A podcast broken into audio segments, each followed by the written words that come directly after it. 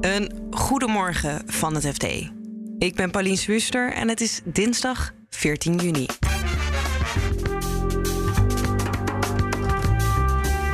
De cryptobank waar de meeste bitcoins ter wereld staan, zou om kunnen vallen. En de vraag is dus een beetje van ten eerste raken 1,7 miljoen mensen hun geld kwijt, wat toch wel heel veel mensen zijn. Ten tweede, wat betekent dit voor de bredere cryptomarkt, voor andere cryptobanken? En de Nederlandse bank kwam gisteren met scenario's voor de economie. En weer komt de vergelijking met de jaren 70 langs. De OESO, de Wereldbank en nu weer de Nederlandse Bank. Allemaal hebben ze een hoofdstukje speciaal gereserveerd voor stagflatie en leggen ze ook allemaal uit waarom het deze keer anders is. Dit is de dagkoers van het FD. De Amerikaanse cryptobank Celsius heeft alle tegoeden bevroren. Gaat om zo'n 12 miljard dollar. En dat doen ze allemaal om de liquiditeit te stabiliseren. Waarom het nodig was, hoor je zo van onze crypto-redacteur Pim Brasser. Maar eerst even wat Celsius nou precies doet. Celsius is een cryptobank of een crypto-leenbedrijf, wordt het ook wel genoemd. Uh, en dat is eigenlijk net als een reguliere bank. Dus uh, mensen die lenen hun cryptomunten uit. En Celsius die leent die vervolgens weer uit aan professionele handelaren... die er dan weer allemaal ingewikkelde, heel risicovolle dingen mee doen. Uh, dus het is eigenlijk een bank met als verschil dat het niet valt onder het deposito... Garantiestelsel. En dus als uh, Celsius zeg maar omvalt, dan kunnen mensen fluiten naar hun geld. En dat is toch wel een belangrijk verschil. Ja, dus in een normale situatie is het gewoon zo dat ik stal daar mijn bitcoin of whatever. En dan uh, na een tijdje denk ik, ik wil het weer terug. En dan staat het op mijn rekening, haal ik het er gewoon af. Dat was tot nu toe was dat altijd zo. Ja, want ze hebben dus um, alle tegoeden bevroren om de liquiditeit te stabiliseren. Um, hoezo stabiliseert het hiermee? Het is toch eigenlijk gewoon zet je alles stop. Ja, wat, ze eigenlijk zeggen is: uh, we kunnen jullie niet meer terugbetalen. Dus de context is. Uh, de, de cryptomarkt die is zo ongeveer door drieën gegaan sinds, sinds november. Uh, en er waren ook een aantal geruchten. Er is bijvoorbeeld een interne munt van Celsius die het heel slecht doet. Er, er ontstond gewoon angst bij gebruikers. Dus redelijk wat mensen die zijn hun cryptomunten, die, die wilden ze terug. En ja. op een gegeven moment dan gaat dat gewoon niet meer. Omdat Celsius ook een deel van hun munten vast heeft staan. En dan krijg je dus dat ze zeggen van ja, sorry, we kunnen jullie niet meer terugbetalen. Nou dat is dus wat nu gebeurt. En de grote vraag is, kunnen ze op langere termijn wel iedereen terugbetalen? Dat weet eigenlijk niemand. Dus ik kan me voorstellen dat veel uh, Celsius-gebruikers niet heel goed slapen vanavond. Ja, want is deze bank too big to fail? Want als dit de meeste bitcoins zijn ter wereld, dan zou je denken, ja, dat, dat kan haast niet omvallen. Ze hadden 20 miljard, maar goed, de cryptomarkt die is dit jaar gehalveerd. Het gaat nu om ongeveer 12 miljard. Um, dat kan op zich prima omvallen. Ja. Maar de vraag is natuurlijk wel van. Uh, er zijn nog meer van dit soort bedrijven. Er zijn een aantal concurrenten die, die zijn uh, bijna net zo groot. Als die ook allemaal omvallen, dan gaat het om, om tientallen miljarden. En dan heb je dus ook een soort uh, omvang zoals Terra USD. Een, een cryptomunt die vorige maand omviel. Die ook de hele markt meesleepte. Die ook voor heel veel paniek zorgt. Nou ja, dat zie je eigenlijk nu al. en de vraag is dus een beetje van ten eerste raken 1,7 miljoen mensen hun geld kwijt. Wat toch wel heel veel mensen zijn. Ja, nu, tweede, nu, bij, nu bij Celsius al. Nu bij Celsius. Ja. Ten tweede, wat betekent dit voor de bredere cryptomarkt, voor andere cryptobanken en ook uh, voor zeg maar financiële diensten in de blockchain in het algemeen? Uh, er ontstaat gewoon heel veel angst hierdoor. Dus de, dat zou ook breder zou het ook best veel kunnen gaan betekenen. En hebben we daar al iets van een antwoord op? Of zijn dat allemaal nog open vragen wat er zou kunnen gebeuren als ze omvallen? Ik heb uh, daar nog niet echt antwoord op. Ik zie in ieder geval nu dat een aantal kleinere uh, stablecoins... Uh, die zijn nu minder waard geworden. Dus, dus er is echt paniek in de markt. Maar je zag bij Terra USD dat de koersen ook weer um, terugveerden. Uh, het ligt er helemaal aan hoe Celsius ermee omgaat. Het ligt eraan hoe, uh, hoe crypto-beleggers, of ze echt in paniek raken of niet. Dat uh, zullen we gaan zien. En dan gaan we naar de zoveelste voorspelling over onze economie. Gisteren kwamen de ramingen van de Nederlandse bank. En in het zwartste scenario, als plots de kraan van Poetin dichtgaat, komen we in een twee jaar durende recessie.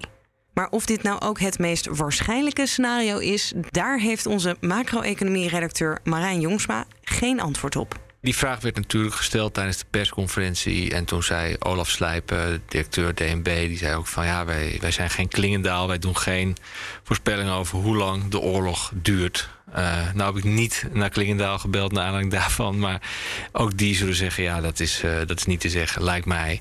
Dus ja, er is een grote onzekerheid wat dat betreft natuurlijk. Maar grosso modo gaat de economie in ieder geval niet fantastisch in alle scenario's, denk ik. Nee, uh, zeker niet. Um, dit jaar zit je sowieso eigenlijk op ofwel stagnatie ofwel een krimp. Uh, en volgend jaar uh, hangt het er enorm van af. Want in het basisscenario van de -hmm. EB, dus waar die, die oorlog wel een keer ophoudt en waar de olie en gas blijft stromen, zeg maar. Ja.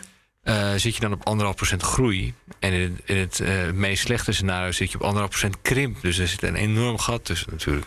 Ja. Wij hebben het regelmatig over dan weer ramingen, onderzoeken, scenario's van allerlei uh, clubs. Is het ook grofweg een beetje hetzelfde beeld steeds qua economische verwachtingen? Ja, grofweg is het beeld toch overal dat de groei terugzakt en de inflatie ook, maar toch wel heel hoog blijft. Dus dat de inflatie piekt dit jaar en dan volgend jaar wat terugvalt, maar eigenlijk uh, zelfs ook nog in 2024 boven de doelstelling van de ECB blijft die 2%. Dus ja, uh, lagere groei, hardnekkig hoge inflatie, dat is echt samengevat uh, waar al die prognoses heen gaan. Ja, en wat betreft de kans dat ze uitkomen, ook al die prognosemakers zeggen... ja, de onzekerheden zijn groter dan ooit. Je hebt te maken met een uh, onberekenbare leider in het Kremlin... die natuurlijk uh, alles bepalend is voor deze scenario's. Uh, er wordt niet voor niets met allerlei scenario's gewerkt... om een beetje aan te geven welke kant het op zou kunnen gaan. En dan uh, ja, moeten we het toch weer even over de jaren 70 ja. hebben, want die vergelijking wordt de hele tijd gemaakt. Um, voor iedereen die eerdere gesprekken van ons heeft uh, gemist, wat was de economische situatie in de jaren 70? Wat is het schrikbeeld? Het schrikbeeld is een uh, langdurig lage groei en ook een langdurig hoge inflatie. Dus die stag staat op de stagnatie en inflatie op de inflatie uiteraard. Ja, nou was dat wel bijna een beetje wat jij omschreef net voor onze economie ja, ook. Dat, dat zou je zeggen. Uh, het lastige met stagflatie, of ook misschien wel het prettige, is dat er geen vastomlijnde definitie is. Dus, ja. dus hoe lang zoiets moet duren voordat je het stagflatie uh, noemt, ja, dat, daar zijn geen wetten of regels voor. Is dat nou nog een scenario waar toch steeds meer rekening mee wordt gehouden? Nou, het, het, grappige is eigenlijk wel dat uh, de, van alle rapporten die afgelopen week zijn uitgekomen, de OESO, de Wereldbank en nu weer de Nederlandse Bank. Uh, allemaal hebben ze een hoofdstukje speciaal gereserveerd voor stagflatie. En leggen ze ook allemaal uit waarom het deze keer anders is. Dus het is wel een thema dat enorm leeft. En de verschillen die uh, worden aangehaald, die zijn eigenlijk ook ongeveer hetzelfde. En nou, het is een hele reeks, maar uh, een daarvan is bijvoorbeeld dat onze economie nu minder afhankelijk is van olie dan het was in de jaren 70. Hè. We hebben natuurlijk een enorme economische voorspoed uh, doorgemaakt in die halve eeuw. Ja. En de industrie, die doorgaans meer uh, fossiele brandstof verbruikt dan de dienstensector, die is relatief kleiner geworden. Dus niet kleiner geworden, maar de dienstensector is veel groter geworden. En dat betekent ook dat je economie uh, minder olieafhankelijk is dan vroeger. Dat is een hele belangrijk, uh, belangrijk onderscheid met die periode toen. Uh, ander onderscheid is dat vakbonden uh, destijds vaak afspraken hadden gemaakt voor automatische prijscompensatie. Dus Ja. waardoor je eerder die loonprijsspiraal krijgt. En een hele belangrijke is ook dat centrale banken nu meer geneigd zijn om op inflatie te sturen dan destijds. Want vroeger hadden ze twee doelen, toch? Ja, de meesten hadden twee doelen. Hè. Dus die, die, die, eh, die streefden zowel uh, na om de economie te stimuleren, dus de werk, werkgelegenheid zo groot mogelijk te maken, Ja. en de inflatie te bestrijden. En die twee gaan op korte termijn soms heel slecht samen. Ja, en nu is het, tenminste sowieso ECB, is alleen maar inflatie op Ja. 2%. Ja, en ze krijgen even goed nog het verwijt dat ze te laat zijn natuurlijk. Maar Ja. in de jaren 70 hebben ze het heel lang laten aanmodderen. En toen zijn ze in, jaar, in de jaren 80, eind jaren 70, begin jaren 80... heeft de Verenigde Staten, vooral de Federal Reserve daar... heeft toen enorm op de rem getrapt en de rente heel fors verhoogd. Ja, dat is meteen een, eh, een, eh, wereldwijde recessie geworden. Ja. Dan wil ik ook nog even naar iets anders, want daar eh, heeft de DNB gisteren ook iets over gezegd, namelijk de woningmarkt. Er wordt wel veel gespeculeerd dat de huizenprijzen misschien weer een beetje gaan instorten. Maar DNB zegt eigenlijk, het blijft nog wel een beetje stijgen. Ja, ze zeggen dat het uh, ongeveer een lijn blijft bij de inflatie die ze verwachten. Ja, dus niet meer de 20% erbovenop nee, per kwartaal. Nee, maar... een paar procent zo. Ja. Tussen de 2 en 3 procent. Uh, dat noemen ze dan een afkoeling. In die zin wekt het wel wat verwondering. Want ze voorzien ook een verdubbeling van de hypotheekrente. Ja.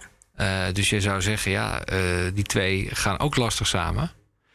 Um, maar goed. Um, je, je, bedoelt dat je zou verwachten dat als de hypotheekrente zoveel stijgt, dat eigenlijk de huizenprijzen ook wel zouden moeten dalen of niet doorstijgen omdat mensen het niet meer kunnen betalen? Ja, dat zou je wel zeggen. De, de, de financieringsruimte wordt gewoon kleiner. Ja. Betekent minder vraag, uh, betekent lagere prijzen, zou je zeggen. Bij DNB zeggen ze, ja, als je het vergelijkt bijvoorbeeld met begin jaren 80, we hadden het net over de jaren 70, maar begin jaren 80 was er een grote huizencrisis. Mm -hmm.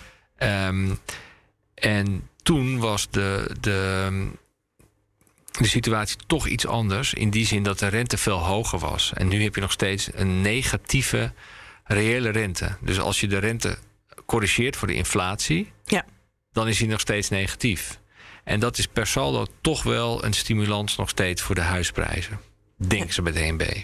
Ze blijven stijgen, maar niet zo hard. Zo is het.